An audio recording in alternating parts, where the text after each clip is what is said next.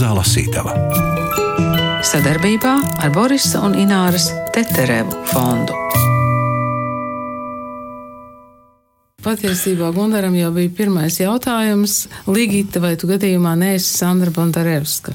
Nu, neesmu Sandra Bondarevska, esmu Ligita Koftuna un Sandras Bondarevskas lieliskās grāmatas izdevēja. Tā kā es esmu redaktore arī divām lielākajām trimdas latviešu avīzēm, Laiks un Brīvā Latvija, tad cilvēki, kas dzīvo ārpus Latvijas, tā sauktā diaspora, viņi kādreiz, nevis kādreiz, bet bieži vien ierodas pie manis arī ar saviem manuskriptiem, ar dzīvoļu krājumiem, ar, ar romāniem, ar lūgumu Latvijā izdot. Tas nav tā kā vairāk, kad ir pilnmēnesis, vai tas notiek tā regulāri? Zini, ir visādi. Ar grāmatu manuskriptiem neatkarīgi no mēneša, bet dzējoļi avīzēm gan tiek iesūtīti saskaņā ar pilnmēnesi. Tā ir. Jā. Bet tālāk, manās rokās nokļuva šīs grāmatas manuskripts. Tas bija tālais 2014. gads.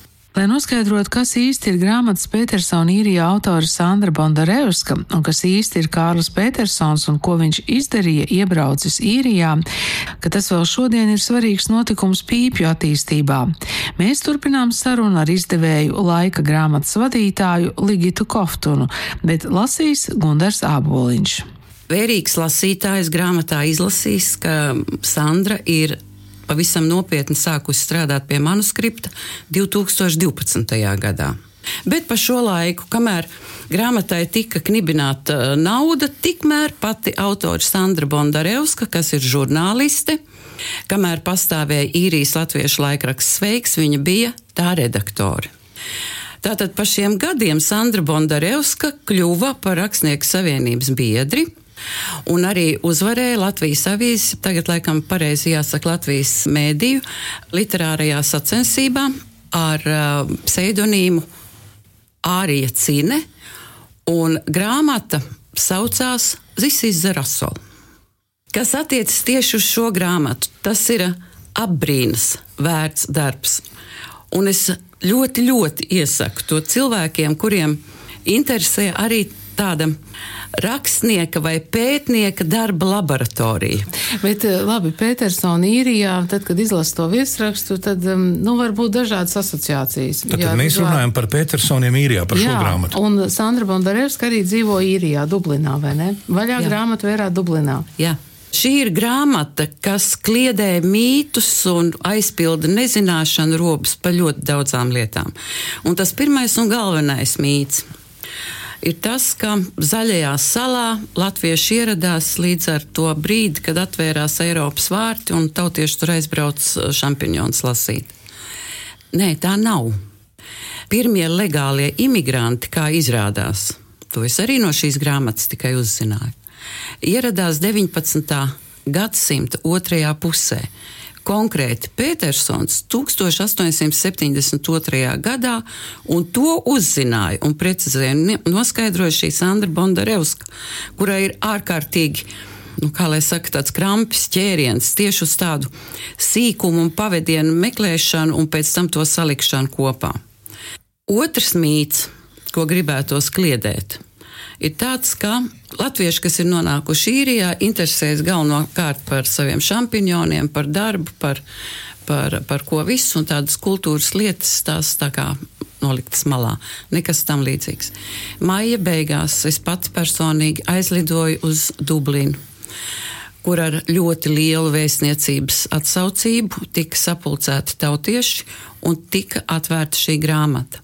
Apmeklētāji bija pieteicies divreiz tik, cik vēstniecības telpas var uzņemt. Un es redzēju to sirsnīgo attieksmi, ieinteresētību, ar kādu īrijas tautieši sumināja savu Sandru un, uh, un viņas grāmatas iznākšanu. Turklāt liels pulks Vismaz pārdesmit cilvēki no tur klātesošajiem bija tādi, kuriem autori pateicās par pilnīgi praktisku piedalīšanos grāmatas tapšanā, un ne tikai grāmatas tapšanā, arī par piedalīšanos latviešu kapu vietu apzināšanā un apkopšanā. Par Petersoniem man ir tāds iespējas, ka zināja pāris cilvēki Latvijā. Akadēmiķis Stradiņš, kas zina visu, Pēters Elferts, kas arī zina ļoti, ļoti daudz, un tolaik bija Latvijas vēstnieks Sīrijā. Un vēl man par lielu prieku par Petersonu zina arī man redakcijai tuvējā Gertrūdas ielas pīpi veikaliņas saimnieks.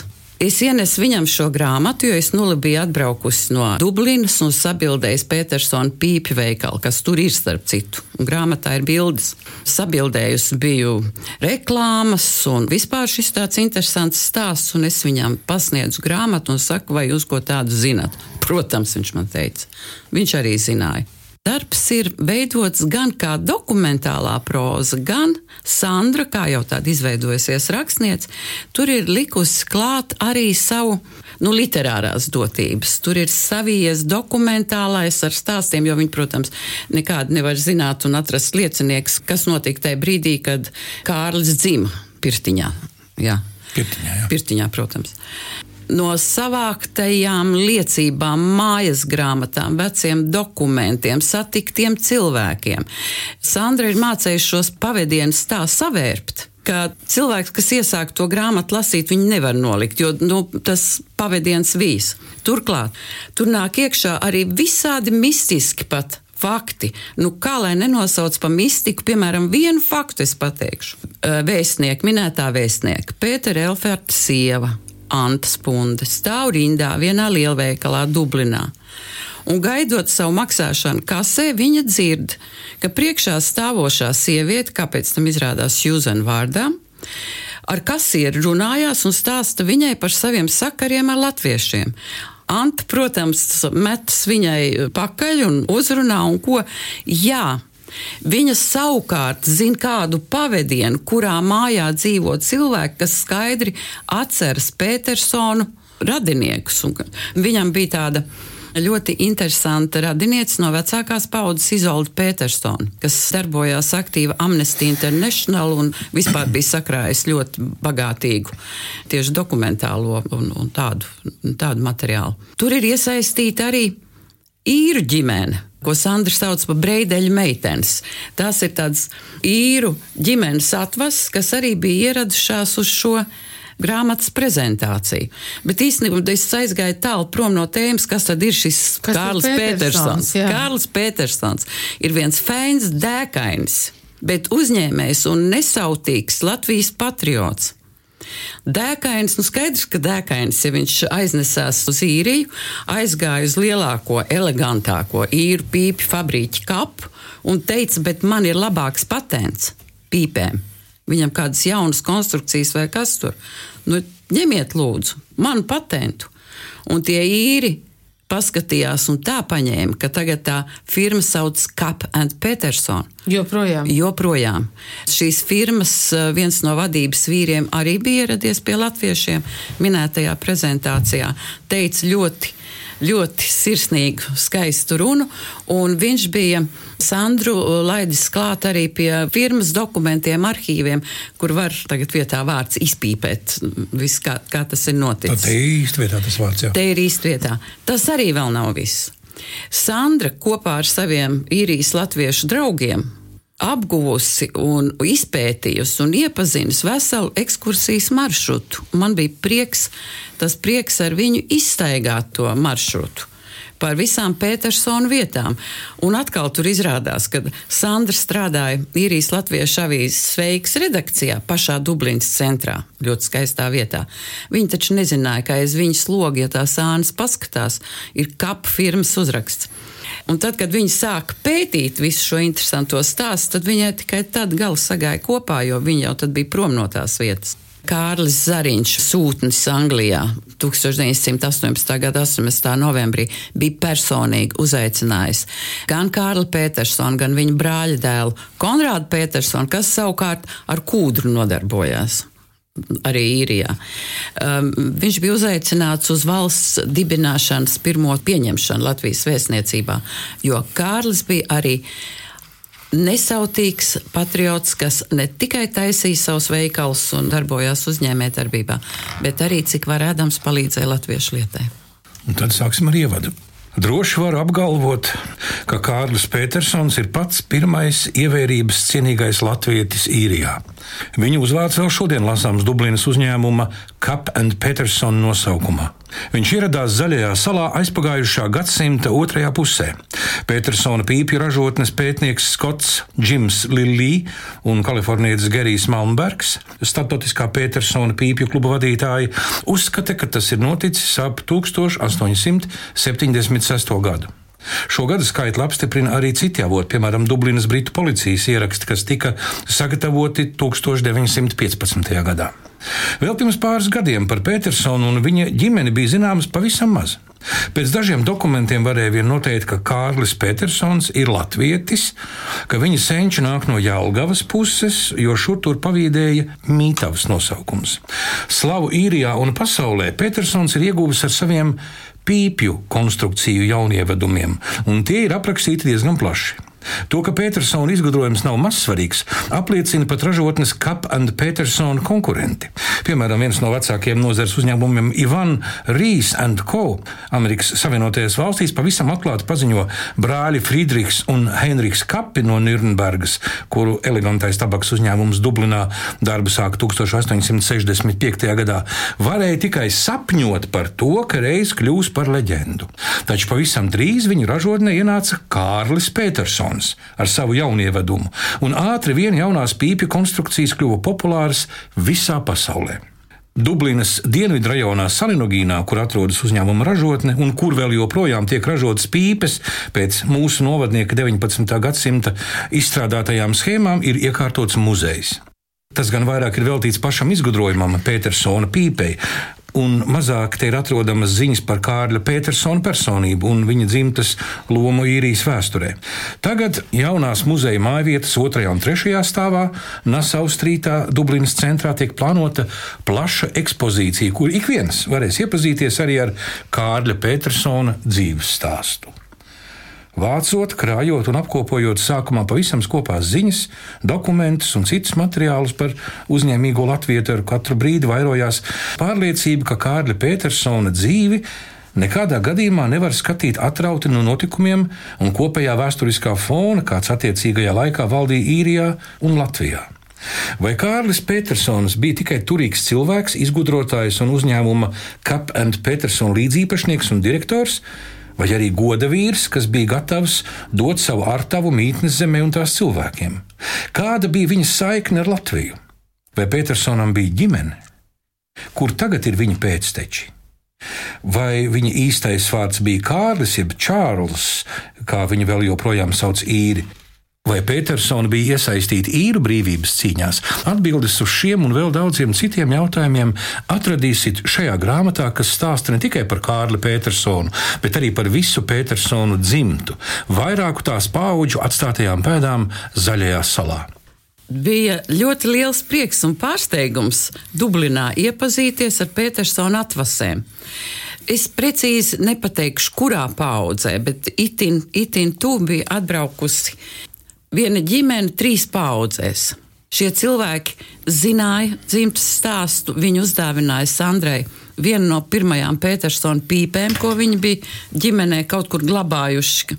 Un tad viņu dzimtās mājas, mājas grāmata, piemēram, bija saglabāta, kam ir tieši šai mājas grāmatai ļoti liela nozīme, lai atrastu visas tās radniecības saites un sazīmēt ciltskoku grāmatu, bet ir arī ciltskoks. Nu, es domāju, ka te ir tagad eh, lapuse, kur ir zinām literāra fantāzija arī. Konrāds Petersons ierodas Dublinā pie tēvoča. Tā varēja būt.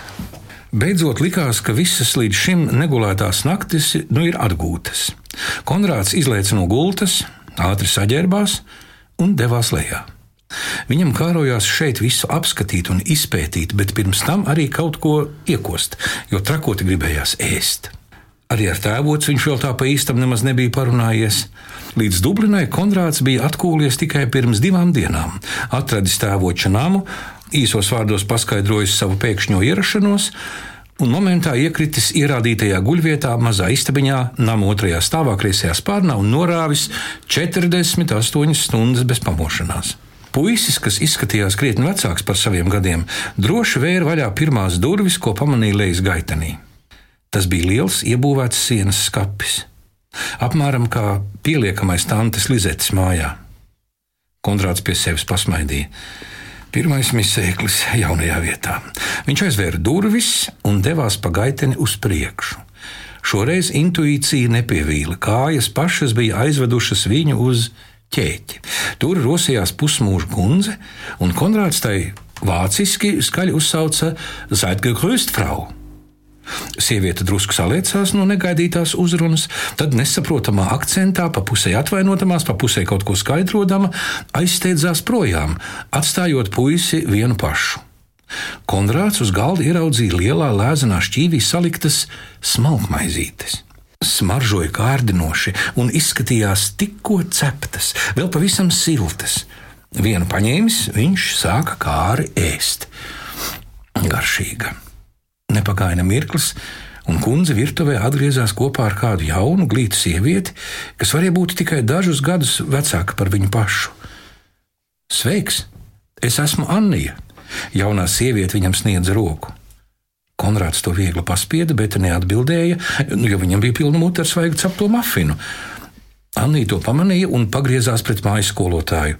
Lūdzu, uzklājiet mums brokastu galdu. Viņa uzsmaidīja Konrādam un vedināja viņu uz ēdamistabu. Iesim, Čārlis jau ir aizbraucis uz darbu, tāpēc pabrokastosim divatā. Kā jūs gulējāt? Vai mazais Konrāds Henrijs ar savu raudāšanu jūs netraucēja? Pierakstīts Dublinā 1906. gada 23. janvārī. Pēc 1905. gada revolūcijas Rīgā sākās aresti un vajāšanas. Dublinā pie tēvoča ierodas viņa brāļa dēls Konrāds Petersons. Šāds dzīves pavērsiens Konrādam ir liktenīgs, jo visu atlikušo mūžu viņam izveidosies visciešākās saites ar īriju. Kad dumpinieks no Rīgas ierodas Dublinā, mazajam Kārļa Petersona dēlēnam Konrādam Henrijam ir tikai nepilni divi gadi. Jannes dēlu Konrādu Petersonu vārda un uzvārda dēļ ir viegli sajaukt ar Kārļa Petersona 1904. gadā Dublinā dzimušo dēlu Konrādu Henriju. Lai turpmāk abus atšķirtu, ņemšu piemēru no Kārļa Petersona meitas Izoldes. Savā albumā fotografija otrā pusē viņa brāļa vārdu ir ierakstījusi ar C, tātad Konrad, bet brālēna ar K, Konrad. Es savukārt Dublinā dzimušo turpmāk saukšu par Konrādu Henriju, bet rīdzinieku vienkārši par Konrādu. Vai mums vienkārši ir jābrauc uz Dublinu un jāiet ekskursijā? Katrā ziņā es visiem iesaku izmantot iespēju aizbraukt uz Dublinu, jo pilsēta pati ir ļoti skaista, sakopta. Draudzīgie ķelti, katrs taksometrs šofers, kas man tur gadījās, bija kā viens labs gids cilvēki, kas ārkārtīgi draudzīgi mīl savu pilsētu. Un, ja ir šādas latviešu vietas, un ja ir gids, kas vēl pastāsta interesanti un pavada, nu, vajadzētu izmantot. Varbūt kā vienu gadu neaizbraukt uz Turciju zem palmas, bet aizbraukt uz, uz zaļo salu, kur arī ir palmas un ārkārtīgi maigs un skaists klimats gan mainīgs, bet man vienmēr ir gadījies ļoti jauks. Varbūt tiešām aizbraukt uz Dublinu un atrast pīpju uzņēmumu Kapent Petersonu. Stāsts grāmatā ir ne tikai par Kārli, bet arī par viņa radiniekiem un pēcnācējiem. Sandras Bondarevskas Petersoni īrijā izdevusi laika grāmata. Petersoni Latvijā, Īrijā un Amerikas Savienotajās valstīs. Džona Pīpe. Vēra Petersona no Sibīrijas atgriežas tikai 1970. gadā. Savus bērnus viņa nav redzējusi vairāk nekā desmit gadu. Viņi jau ir pieauguši. Pat jaunākajam Tenim Jurim, kas uz Sibīriju tika aizvests kā piecgadīgs zēns, ir jau 26 gadi. Savu tēvu viņš neatceras, par māti viņa atmiņas ir visai miglainas. Padomju vara vērai zaļniekos atgriezties neļauj, pēc izsūtījuma viņa nomitina Cēsīs. Šeit vēl joprojām dzīvo viņas dēls Jānis.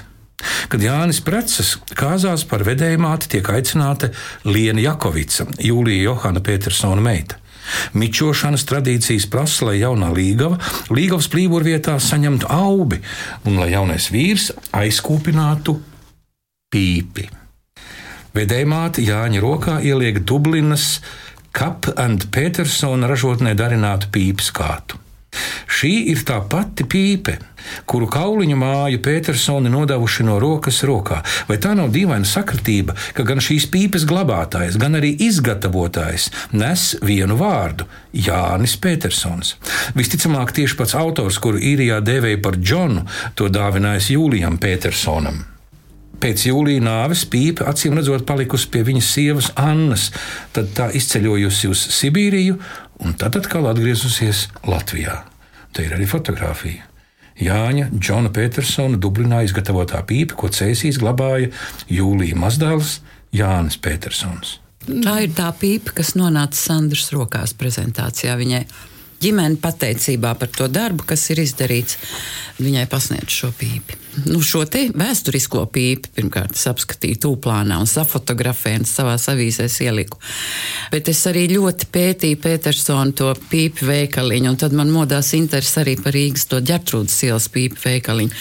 Un es skatījos, tā ir viena eleganta, bet ļoti dārga padarīšana pīpi tur maksāja 240 eiro.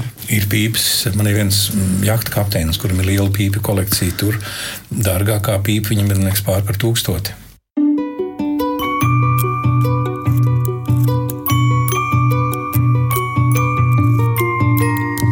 Radio Mazā Lasītava sadarbībā ar Borisa un Ināras Teterevu fondu.